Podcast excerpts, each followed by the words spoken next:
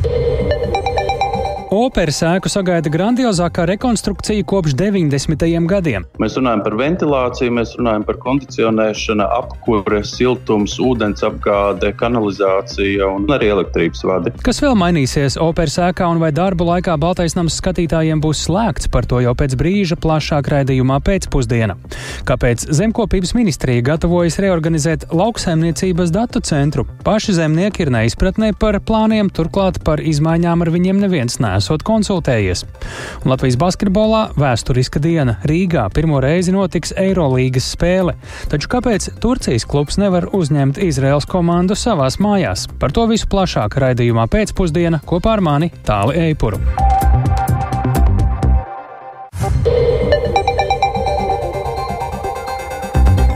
Pūkstens rāda 16,5 minūtes, skan pēcpusdienas ziņu programma, skaidrojot šodienas svarīgus notikumus. Studijā tālāk Eipurs. Labdien! Samazināt 5% pievienotās vērtības nodokļu likme svaigiem augļiem un dārziņiem nav labākais instruments nozares konkurētspējas veicināšanai un ēnu ekonomikas apkarošanai. Šādu pārliecību šodien pauda finanšu ministrs Ārvils Ašerādens. Tomēr tieši šāda PVN likme ir viena no zemnieku prasībām valdībai. Tāpēc lauksaimnieki šodien kopā ar Finanšu ministrijas ekspertiem vērtēja, kāds būtu labākais risinājums. Šobrīd zemnieku saima šo savu prasību saglabā. Sarunām līdzi sakojusi kolēģi Sintīna Ambota. Sintī, par ko tad tieši lauksaimnieki šajās sarunās gribēja šodien vienoties? par ko vienojās vai nevienojās, un vai šī sanāksme arī kaut kā tad ietekmē tālākos lēmumus, kas visiem interesē attiecībā uz nākamās nedēļas iespējamiem protestiem Rīgā.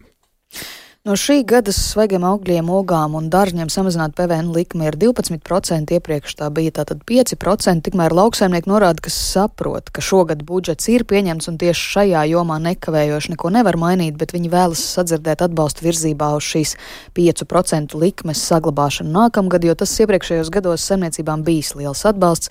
Šodien darba grupas sanāksmē tikās Finanšu ministrija ar lauksaimniekiem un zemkopības ministrijas pārstāvjiem, lai runātu tieši par samazinātā nodokļu fiskālu fiskālo ietekmi uz valsts budžetu, jo par šiem aprēķiniem zemniekiem un ierēģiem viedokļi atšķiras, un varam paklausīties zemnieku saimnes pārstāvis Mairas Dzelskalēs teikto pēc šīm sarunām. Es domāju, ka mēs atradām to, kāpēc šie cipari ir tik ļoti atšķirīgi. Jo mēs rēķinām ietekmi, kuru dod tieši pamatražošana, un finanšu ministrija rēķina ietekmi uz gala patēriņu. Un tā, protams, ir, ir ļoti liela atšķirība. Nu, nav līdz galam dati visi aptvērti. Tādēļ arī mēs vienojāmies par to, ka mēs pārskatīsim tos uzņēmumus, kuriem ir šis samazinātais PVN. Tad līdz februāra beigām arī Finanšu ministrijai būs plašāks šis uzņēmumu saraksts, kurus analizēt. Bet jūs to saglabājat kā prasību joprojām samazināt līdz šiem 5%? Jā, pilnīgi un absolūti. No mūsu, kā no nozares puses, galvenais arguments, kādēļ mēs pieprasām šo samazināto PVN, ka mums ir liela ēna ekonomika ekonomikas šajā nozarē, un lai legāli strādājošie uzņēmumi varētu konkurēt, ir nepieciešams šis samazinātais PVN. Tāpat Zemkopības ministrijai ir uzdots līdz 1. septembrim valdībā iesniegt izvērtējumu par šobrīd spēkā esošās 12% PVN likmes ietekmi uz uh, augļu un dārzeņu piegāžu cenām. Finanšu ministrs Arvils Ašrādens no jaunās vienotības šajā sanāksmē nepiedalījās, bet žurnālistiem norādīja, ka ekspertiem iepriekš izvērtējot 5% PVN likmes ietekmi, secināts, ka tādējādi tiek arī subsidēts augļu un dārzeņu imports veikalos, bet tikai salīdzinoši nelielu atbalstu tas sniedz mūsu ražotājiem. Viņa prāt jāmeklē citi citi ceļi, kā palīdzēt uh, vietējiem lauksaimniekiem konkurētspējas uzlabošanā, un klausāmies arī ministra teikto. Attiecībā uz ēnu ekonomiku, tur šī teorija man īsti nederēs kā finanšu ministram. Tad mēs sakām, ka mēs atceļam nodokļus, un tad mēs būsim gan tikuši galā ar ēnu ekonomiku. Ja? Tas nav tas mehānisms, kādā veidā ar nodokļu samazināšanu cīnīties ar ēnu ekonomiku. No tās atbalsta labi, ja mazākā puse aizgāja tieši šiem adresātiem. Ja? Nu, pašreizējais risinājums ir fiskāli neitrāls. Tātad, ja mēs skatāmies 21% likumu, tad jums ir tiešām jāmaksā pievienotās vērtības nodoklis. 12% likme ir, jūs varat atskaitīt priekšnodokli, bet jums nav jāpiemaksā maksā, 5% likme bija subsīdija. Man liekas, ļoti svarīgi atrisināt šo jautājumu, atspriegot viņu tā, ka mēs atrodam, kādā veidā mēs varam atbalstīt un atrast, izveidot programmas, kas atbalsta dārziņu audzētāju šeit Latvijā. Un mans redzējums ka tai nozarei ir jābūt stiprai un eksportspējīgai. Šodien tātad vairāk apspriestas dažādu aprēķinu metodas, kā nu kurš izvērtē to samazinātā nodokļa pienesumu, bet uh, Finanšu ministrija jautājumu par PVN plāno skatīt kopējā valsts nodokļu politikas pamatnostādņu izstrādes procesā, kur tad ministrija sola pēc datu atjaunošanas analizēt šo ietekmi vēlreiz nodokļu politikas darba grupā līdz maija beigām. Runājot par lauksaimnieku protestiem Rīgā, tad uh, zemkopības ministrs Armans Krauze no Zaļo un Zemnieku savienības šonadēļ paudis, ka viņa prāt uh, nacionālā līmenī lauksaimnieku prasības ir izpildīts un tālākiem protestiem nevajadzētu būt, bet lauksaimnieki vēl par, protest, par šiem protestiem lems līdz rītdienas pēcpusdienai. Rīt pēcpusdienā tad arī par to stāstīsim plašāk. Paldies Sintijai Ambotē. Tātad lauksaimnieki šodien kopā ar Finanšu ministrijas ekspertiem vērtēja, kāds būtu labākais risinājums attiecībā uz PVN svaigiem dārziņiem un augļiem. Taču ar šo lauksaimnieku rūpes nebeidzas. Viņu bažas raisīs zemkopības ministrijas plāns reorganizēt lauksaimniecības datu centru. Šis centrs uztur svarīgas lauksaimniecības un zivsaimniecības datu bāzes. Tajās apkopo informāciju par dzīvnieku pāraudzību, tostarp izslaukumiem un ražību. Un lauksaimnieki saka, ka lēmums par reorganizāciju pieņemts bez konsultēšanās ar nozaru organizācijām. Un plašāk mums gatava šo situāciju skaidrot eh, kolēģi Sandra Dieziņa Lūdzu. Jā, tāli. Sākumā klausītājiem der izskaidrot, kas tad īsti ir lauksaimniecības datu centrs. Tas apkopo dažādas dzīvnieku reģistrus - lielopu, cūku, aitu, kazu un zirgu un citus. Varam noskaidrot, cik, piemēram, valstī ir trušu, cūku un citu dzīvnieku. Tāpat centrs uztur datus par cilts darbu un ganāmpulkiem. Centrs izveidots 1997. gadā kā valsts cijā, lai apkopotu zootehniska, veterināra un lauksaimnieciska rakstura informāciju un ieviestu vienotu dzīvnieku un ganāmpulku reģistru un cilts darba informācijas sistēmu. 2004. gadā šo centru pārveidoja par valsts aģentūru. Kas svarīgi, centrs nodrošina informāciju citu reģistru vajadzībām, lai, la, lai lauksaimnieki varētu saņemt gan valsts, gan Eiropas naudu. Mums izdevās noskaidrot, ka reorganizācijas rezultātā šī centra funkcijas varētu pārņemt lauka atbalsta dienas, pārtiks un veterinārais dienas, arī ministrija. Taču zemnieki ir satraukti, ka iepriekš nebija diskusija un konsultācija ar nozari. Lūk, ko mums teica Latvijas Holsteins šķirnes lopa audzētāja asociācijas valdes locekla Ieva Rutkovska. Kā ir plānots, es nezinu. Mums bija arī laba datu bāze, ja es runāju kā cilvēks speciālists, ja, tad es nevaru teikt, un, un būtu grūti saprast, kā tad tas tagad pāries, vai vienkārši paliks visi tās pati datu bāze, vienkārši mainās karogi. Nu, Par to nav bijis diskusija. Tas ir tas jocīgākais, ka tie ir zemnieku dati, bet ar viņiem darbojas tā, it kā tie piederētu kādam citam. Tas ir tas mūsu atgādinājums Latvijā. Man patiktu un liktos priecīgi, kad uh, tas būtu tāds plašāk izdiskutēts, uh, ko un kā darām, jo tad sajūta, ka mums valsts ir kā privātfirmas. Kā man skaidroja Rutkovs, ka citās valstīs pašas dzīvnieku audzētāju organizācijas uztur pāraudzības datu reģistrus, ko tiem deleģē valsts. Šāda praksa esot gan īrijā, gan citās Eiropas valstīs, bet ne Latvijā. Tiesa daļa lauksaimnieku man skaidroja, ka ne viss lauksaimniecības datu centrā darbojas kā nāks, piemēram, sistēma cilda, kas veidot vairākus gadus, daudziem nepatīkot, jo tajā ātri nevarot atrast vajadzīgos datus. Tiesa, iespējams, zemnieki vēl nav pieraduši pie jaunās kārtības, tāpat zemnieki sagaida mazāku birokrātiju. Lūk, tikmēr zemkopības ministrijā man skaidroja, ka šāds lēmums reorganizēt lauksaimniecības datu centru saistīts ar ministrijas darba efektivizēšanu. Arī paši zemnieki vairāk kārt norādījuši, ka jāsamazina birokrātija, tāpēc ministrija grib integrēt centru esošajās struktūrās. Par centra reorganizāciju jau labu laiku notikušas sarunas un tagad pieņemts lēmums, stāsta zemkopības ministrijas valsts sekretārs Raivis Kronbergs. Mēs esam saskatījuši, ka mēs varētu kaut ko šeit arī efektivizēt. Ar ministru parakstu ir izveidota šī mm, reorganizācijas darba grupa, kurā ir iekļaut gan ministrijas cilvēki, gan iestāžu cilvēki, un kurā tad mēs sapratīsim, uz kuru vai vienu uz otru pusi šis datu centrs tiks integrēts šīs funkcijas plāns mums ir jāizstrādā līdz, man šķiet, maijam, ja es pareizi no galvas atceros, un šī grupa uzsāks darbu nākamnedēļ. Un var nomierināt arī cilvēkus, kas strādā lauksaimniecības datu centrā. Cilvēku resursus mums ir nepieciešams, jo tāpat mums ir vakants iestādēs. Jā, tāli. Nu jā, tas tā, tā tad Raivs Kronbergs, bet vai ir šobrīd plānotas sarunas starp zemkopības ministriju un zemniekiem, ja reiz zemnieki iepriekš sacīja, mēs dzirdējām, ka ar viņiem neviens nav konsultējis?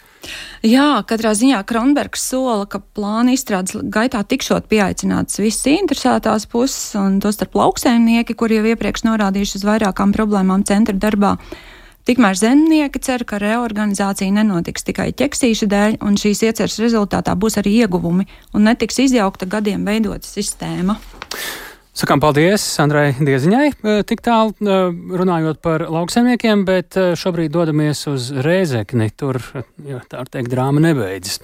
Atstādinātais Rēzeknis pērs Aleksandrs Bartaševičs no partijas kopā Latvijai tiek turēts aizdomās par neizpaužamu ziņu atklāšanu ģimenes loceklim. Jau ziņojām par kratīšanu, ko Otradien Reizeknes domē un Bartaševiča mājās veids korupcijas novēršanas un apkarošanas birojas, un knapi ir aizdomas, ka Bartaševičs ir līdzis pašvaldības darbinieci iegūt informāciju no amatpienākumu pildīšanai pieejamas datubāzes, un vēlāk šīs ziņas izpaudis ģimenes loceklim izmantošanai personīgiem mērķiem.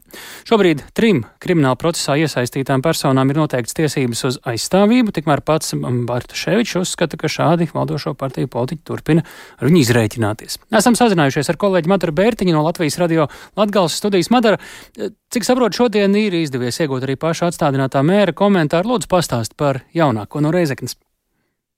Jā, labdien, tāli, labdien, klausītāji. Tātad kratīšana Rēzeknes domē un Aleksandra Bartaševiča mājās tika veikta nedēļas sākumā, un paziņojumu par to korupcijas novēršanas un apkarošanas birojas izplatīja vakar pēcpusdienā. Uzreiz pēc tam Rēzeknē izplatījās dažādas neoficiālas versijas, kas varētu būt šīs neizpaužamās ziņas, eh, par ko Knab arī uzsver, ka tas nav valsts noslēpums. Versijas ir par to, ka tas varētu būt saistīts ar būvprojektiem un atstādinātā mēra brāli vai arī ar kādiem nekustamā īpašuma darījumiem. Šodien runājot ar Bartaševiču, viņš atzīst, ka veikta kratīšana, taču konkrētus kratīšanas iemeslus un to, kas kratīšanas laikā ir izņemts no viņa dzīves vietas, Bartaševičs neatklāja, jo parakstījies par šo tātad informācijas neizpaušanu.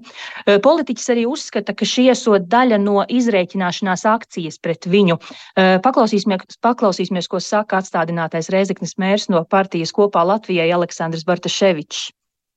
Tas, ko man inkriminē, nu, absolūti izsauca neadekvātu rīcību no tiesību sargājušiem organiem. Ja? Jo, kad jūs uzzināsiet, kas konkrēti bija izdarīts, nu, viņuprāt, nepareizi, tad tiešām tā reakcija, kad pie manis ar kratīšanu atbrauca astoņi knaba darbinieki, viņi gaidīja arī pa nakti acīm redzami nu, līdz rītam.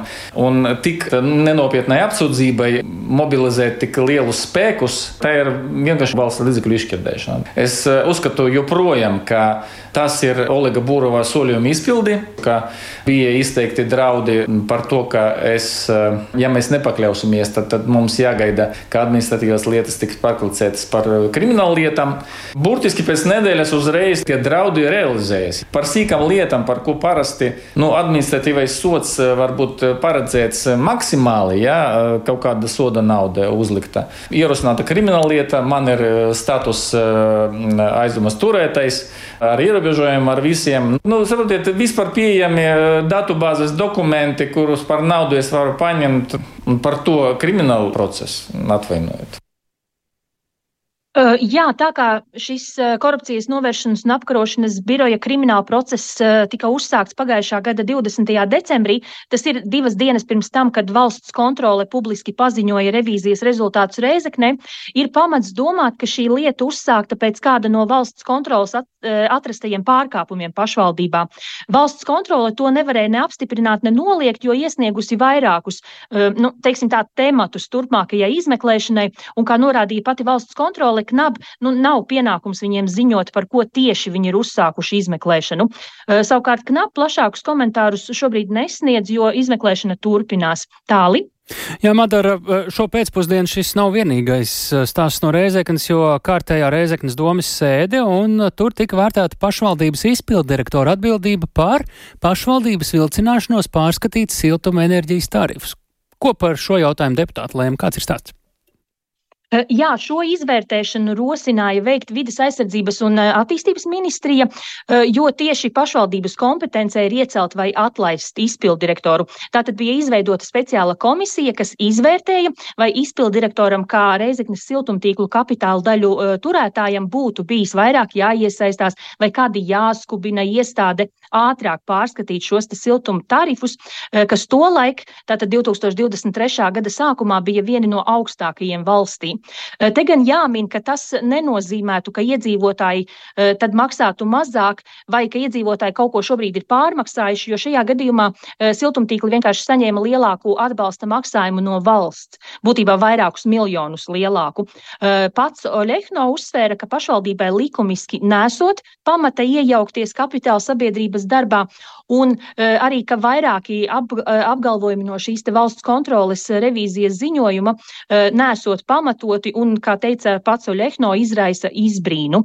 Lūk, un pēc aptuveni pusstundu ilgām debatēm starp domniekiem uh, balsojumā izpildirektora atbildība par šo novēloto siltumenerģijas tarifu pārskatīšanu netika saskatīta.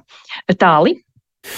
Lielas paldies, sakām eh, Madrai Bērtiņai, ziņojot no Rēzeknes, eh, bet nu, par politiku jau otrā robežas pusē. Krievijas opozicionārs un Kremļa kritiķis Boris Nadeždins šodien pavēstījis, ka Centrālā vēlēšana komisija nav reģistrējusi viņa kandidatūru prezidenta vēlēšanām. Tās Krievijā notiks no 15. līdz 17. martam. Kādēļ? Un kādēļ viņš bija vienīgais reālais Putina drauds vēlēšanās, un vai viņš tāds bija, to plašāk ir gatavs skaidrot kolēģis Rihards Plūme. Sveiks, Rihard! Pirms ķeramies klāt pašai aktualitātei par Nadeždinu nepielaišanu vēlēšanās, atgādini lūdzu par pašu Nadeždinu. Kas viņš līdz šim ir bijis? Jā, labdien! Nu, Boris Nadežins nebūtu eh, nav kāda jaunā uzlicošā zvaigzne tādā ziņā, ka viņš nav Krievijas iedzīvotājiem nezināms politiķis, un tas ir tādēļ, ka Krievijas politikā viņš jau ir vairāk nekā 30 gadu. Eh, savulaik viņš bijis eh, Piemaskavas Dolgoprudnijas pilsētas padomas deputāts, neilgu laiku arī bijis likumdevējs valsts domē. Nadeždins ir arī nogalinātā opozīcijas līdera Borisa Ņemcova tuvs līdzgaitnieks. Un šis politiķis balotējas no partijas pilsoniskā iniciatīva, un viņš pauž pretkara uzskatus un publiski ir izteicies pret diktatoru Vladimiru Putina politiku. Tāpat viņš sola izbēgt karu Ukrainā, un to politiķu vidū, kas paziņojuši par kandidēšanu vēlēšanās, un tie ir Putins un vēl daži parlamenta deputāti, Nadeždins ir vienīgais, kas atklāti ir iestājies pret Krievijas karu Ukrainā.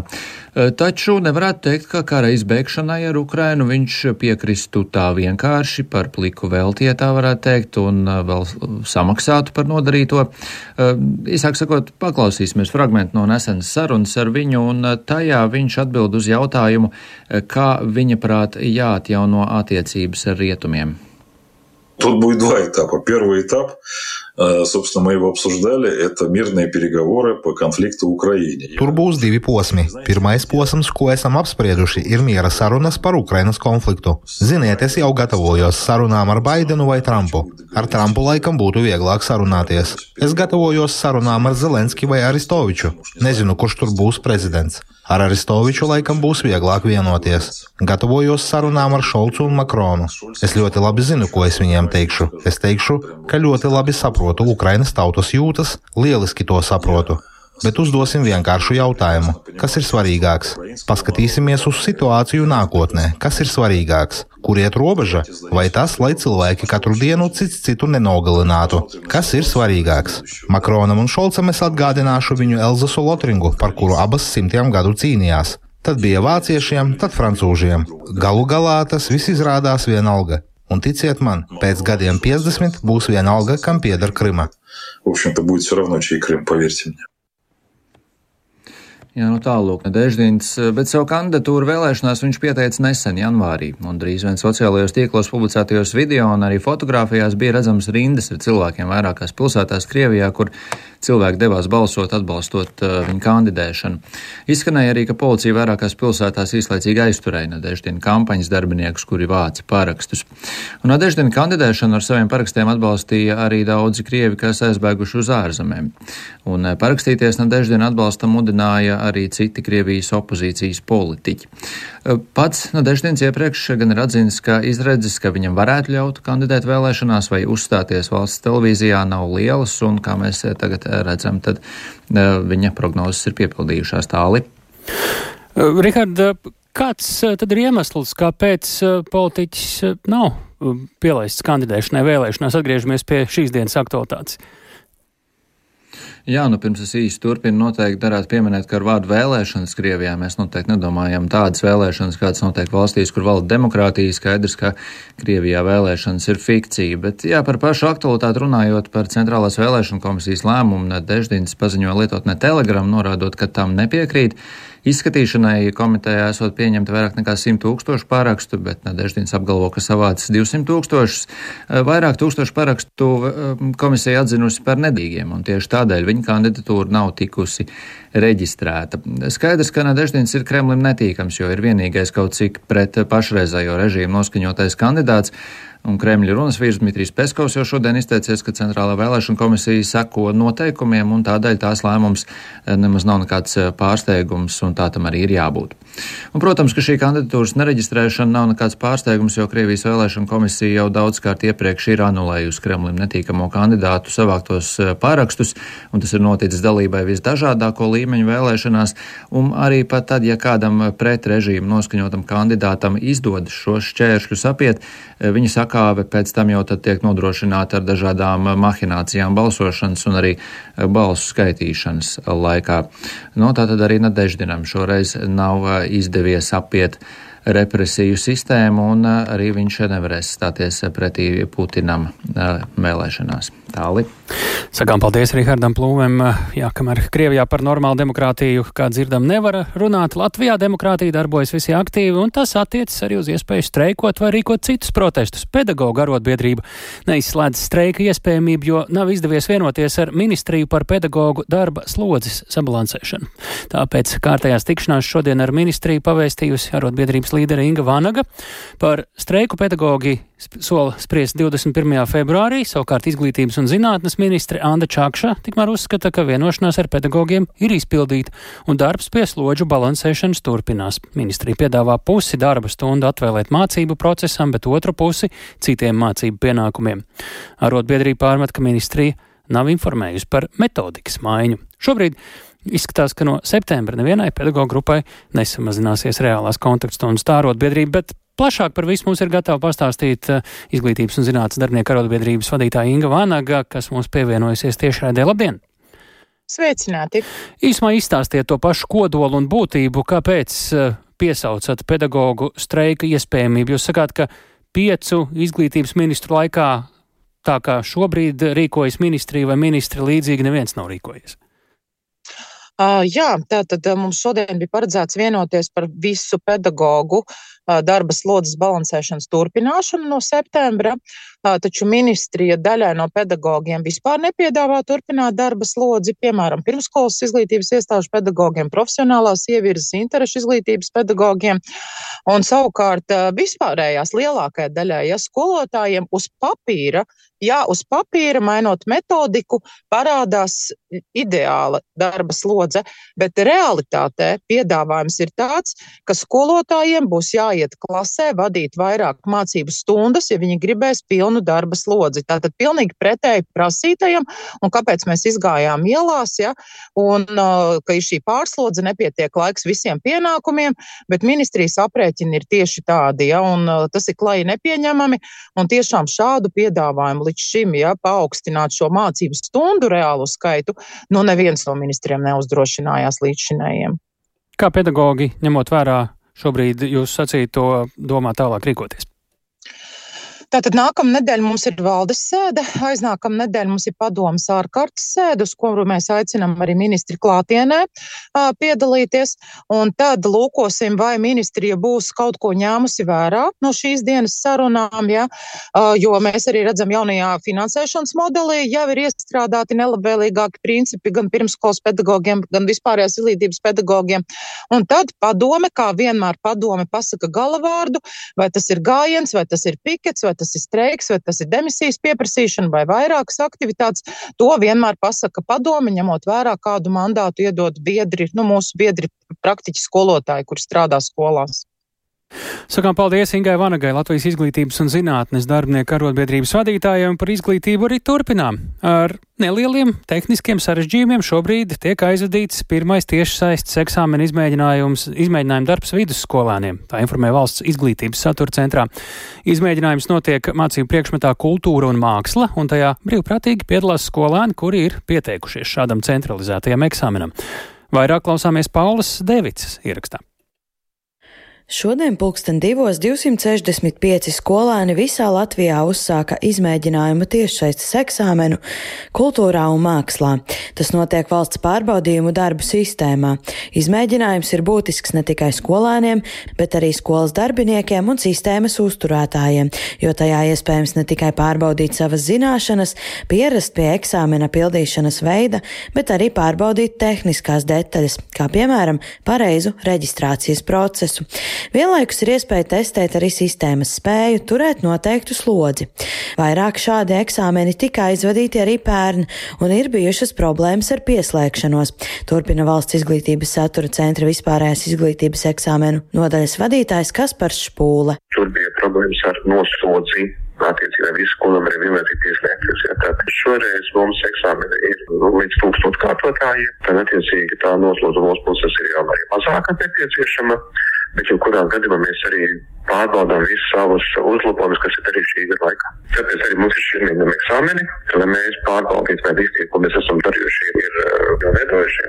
Izmēģinājuma eksāmens joprojām turpinās 43 skolās, taču līdz šim nav indikāciju par nopietnām problēmām, tā skaidro Špūle. Bijušas vien pāris neskaidrības ar reģistrācijas procesu, taču šobrīd tas esot novērsts. Pēc eksāmena notiks arī izmēģinājuma vērtēšana. Valsts izglītības satura centrā skaidro, ka šis vērtējums nekādi neietekmēs tālāko mācību procesu un netiks ņemts vērā. Skolās skaidro, ka šāds izmēģinājums ir ļoti vērtīgs. Arī Rīgas kultūra vidusskolā tas aizvadīts bez sarežģījumiem, turpina direktore Dace Lazda. Atceros tikai no pagājušā gada, ka vienā eksāmenā programmēšanā, manuprāt, tas bija, kad, bet tas bija īstajos eksāmenos, kad bija šīs aizķeršanās. Tādēļ ļoti būtiski šos izmēģinājumu eksāmenus veidot, darīt un pildīt. Jāpiebilst, ka tas ir svarīgi ne tikai skolēniem, jauniešiem, bet arī pedagogiem, kas vada šos eksāmenus. Jo tad mēs kā skola varam kā, apmācīt, nodrošinot īstajā eksāmenā augstu kvalitāti norisē. Lāsda skaidro, ka atsaucība no skolāniem ir liela. Šobrīd notiek arī standarta izmēģinājuma eksāmeni citos priekšmetos, un šo iespēju izmantojot pilnīgi visi.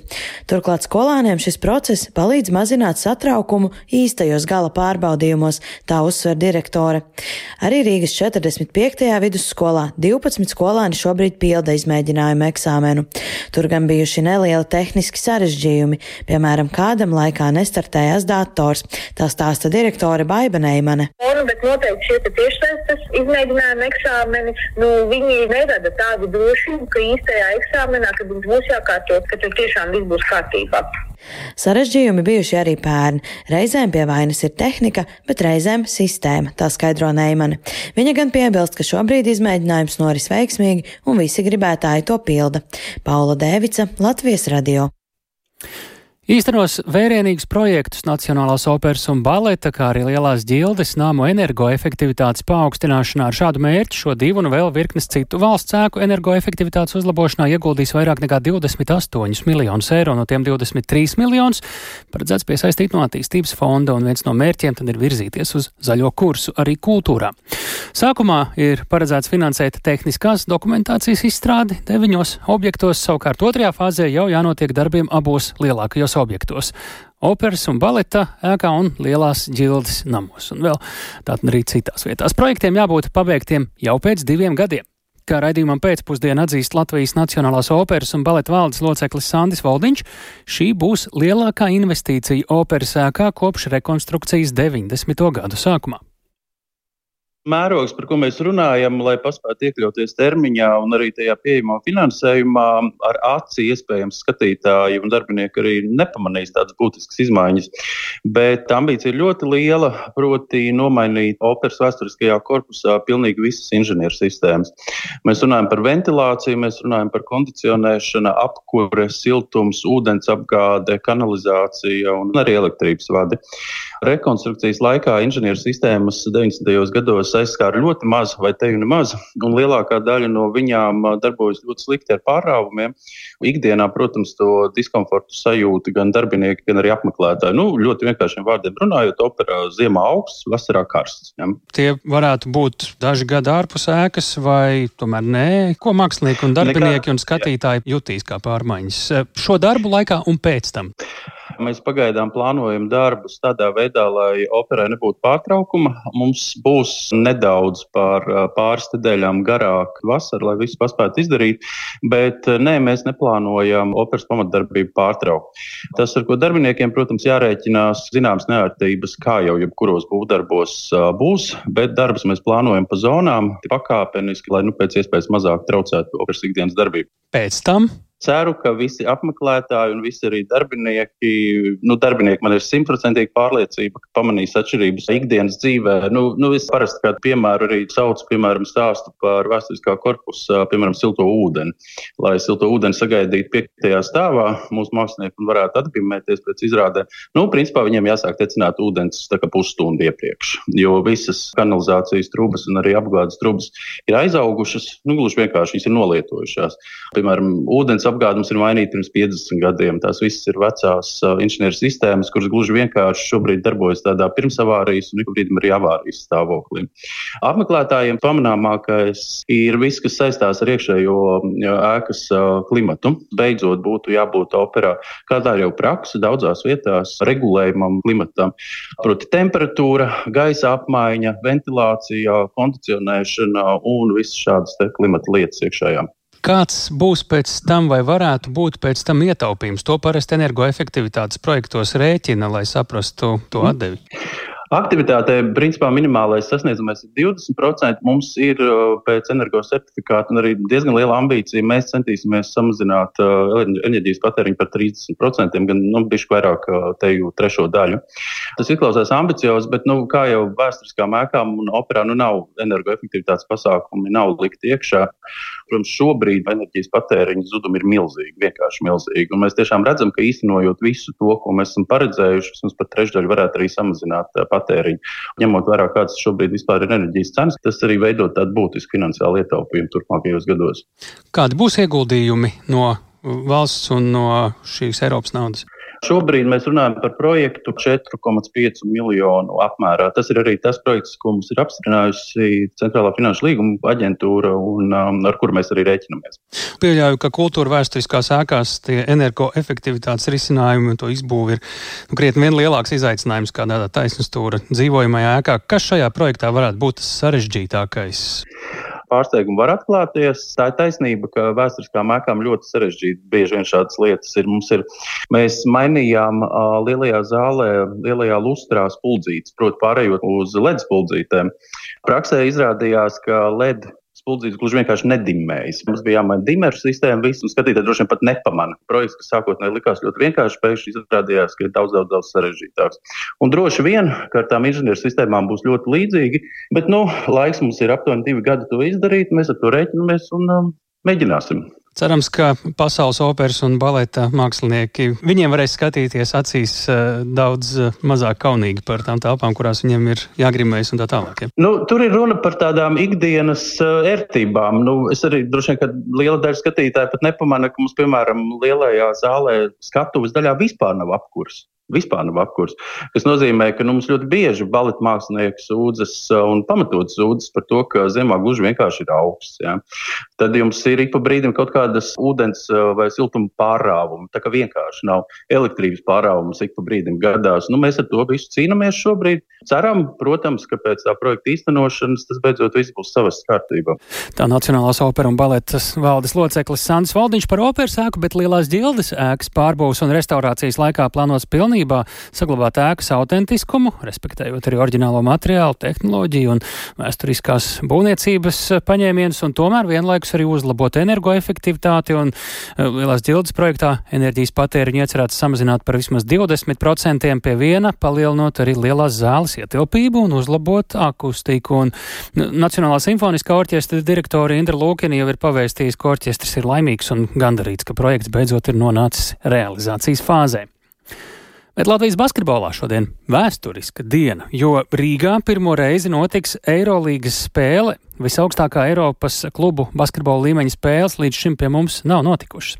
Laukumā mainieku statusā un spēles rīkotāji par uzvaru cīnīsies Stambuls Anadolo Efes no Turcijas, uzņemot Telavivas Makabi no Izraels. Kāpēc šāda spēle notiek Rīgā un vai tas varētu dot kādu paliekošu impulsu arī pašmāju basketbolam? Jau tūdaļ, tūdaļ arī vaicāsim kolēģim Mārtiņam Kļaviniekam. Mārtiņ, sākam ar to, kāpēc šī spēle nevis notiek Rīgā, bet nevar notikt Stambulā. Un tur taču ir vietējie fani, būs nedalāms tribīņu atbalsts, nu, un tad pēc tam, kāpēc tieši Rīgā šī spēle atceļojas šurp. Jā, sveiks tālāk, sveicināt arī radio klausītāji.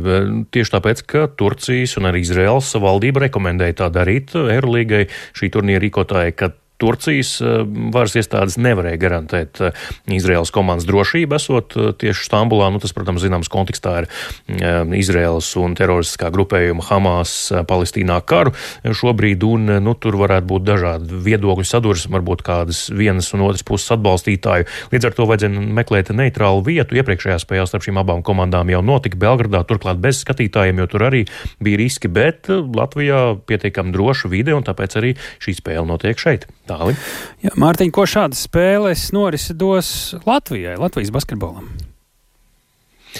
Jā, varētu domāt, ka nu, visaugstākā līmeņa Eirolandes basketbols varētu dot tādu varenu grūdienu, varbūt vietējā klubu mm, basketbola mm, turnīra dalībniekiem, protams, Latvijas-Igaunijas līgā, ka varbūt vairāk skatītāji varētu nākt. Tomēr, zinot tās Latvijas sporta līdzstoja īpatnības, parunāju arī ar basketbola lietpratēju Andreju Siliņu, mūsu pašu kolēģi Latvijas radio. Viņš arī ir diezgan skeptisks. Jā, viena šāda spēle, kas ir augstākais klubu basketbola līmenis Eiropā, raisa interesi, to mēs redzam arī arī pēc šī brīža biļešu pārdošanas datiem, bet eh, tomēr, ja tas varbūt notikt ilgtermiņā šeit Rīgā, visticamāk, ka tā interese eh, kristos. Eh, past, paklausīsimies, ko Andrejs Siliņš sacīja diez vai tas ir kaut kāds atskaites punkts mums, ja nu vienīgi kārtīgi reiz pārliecināties par to, ka Latvijā var sarīkot, var norganizēt augstākā līmeņa sporta pasākumu. Tā ir forša izklaide sporta līdzjutējiem. Šāda līmeņa basketbols, protams, pie mums nav bijis nekad mūsu laikos šobrīd, jā, šī ir pirmā spēle. Tātad, jebkuras komandas, kuras atbraukt, visticamāk, spētu raisīt interesi kaut kādā daļā līdzutēji. Protams, ja, ja tā nav Latvijas komanda vai tur nespēlē kāds Latvijas spēlētājs, tad tā interese droši vien noplaktu, un to mēs, es domāju, diezgan labi redzam arī Prometēji gaitās. Šai pusē tas mārketings ir ļoti vienkāršs. Tur, kur nav tās dziļās tradīcijas, tur ir vajadzīgi uzvarētāji. Tālāk basketbola liepratējs Andrejs Siliņš, mūsu kolēģis Latvijas radio. Um, nu jā, bet uh, interesi par šo spēli gan uh, ir pietiekami liela. Tāli. Kā tad izskatās, nečukst, ka nākotnē kāda līdzīga augsta līmeņa spēle vēl arī varētu notikt Latvijā, kā Andrejs jau varbūt pieminējās? Pagaidām neesmu dzirdējis uz faktiem balstītus uh, tādus apgalvojumus, bet uh, kas to lai zina? Nu, iespējams, ka uz šādiem pašiem noteikumiem vēl kāds mačs izņēmuma kārtā arī varētu norisināties, bet nu, pagaidām par to spriest ir pāragri. Tālāk.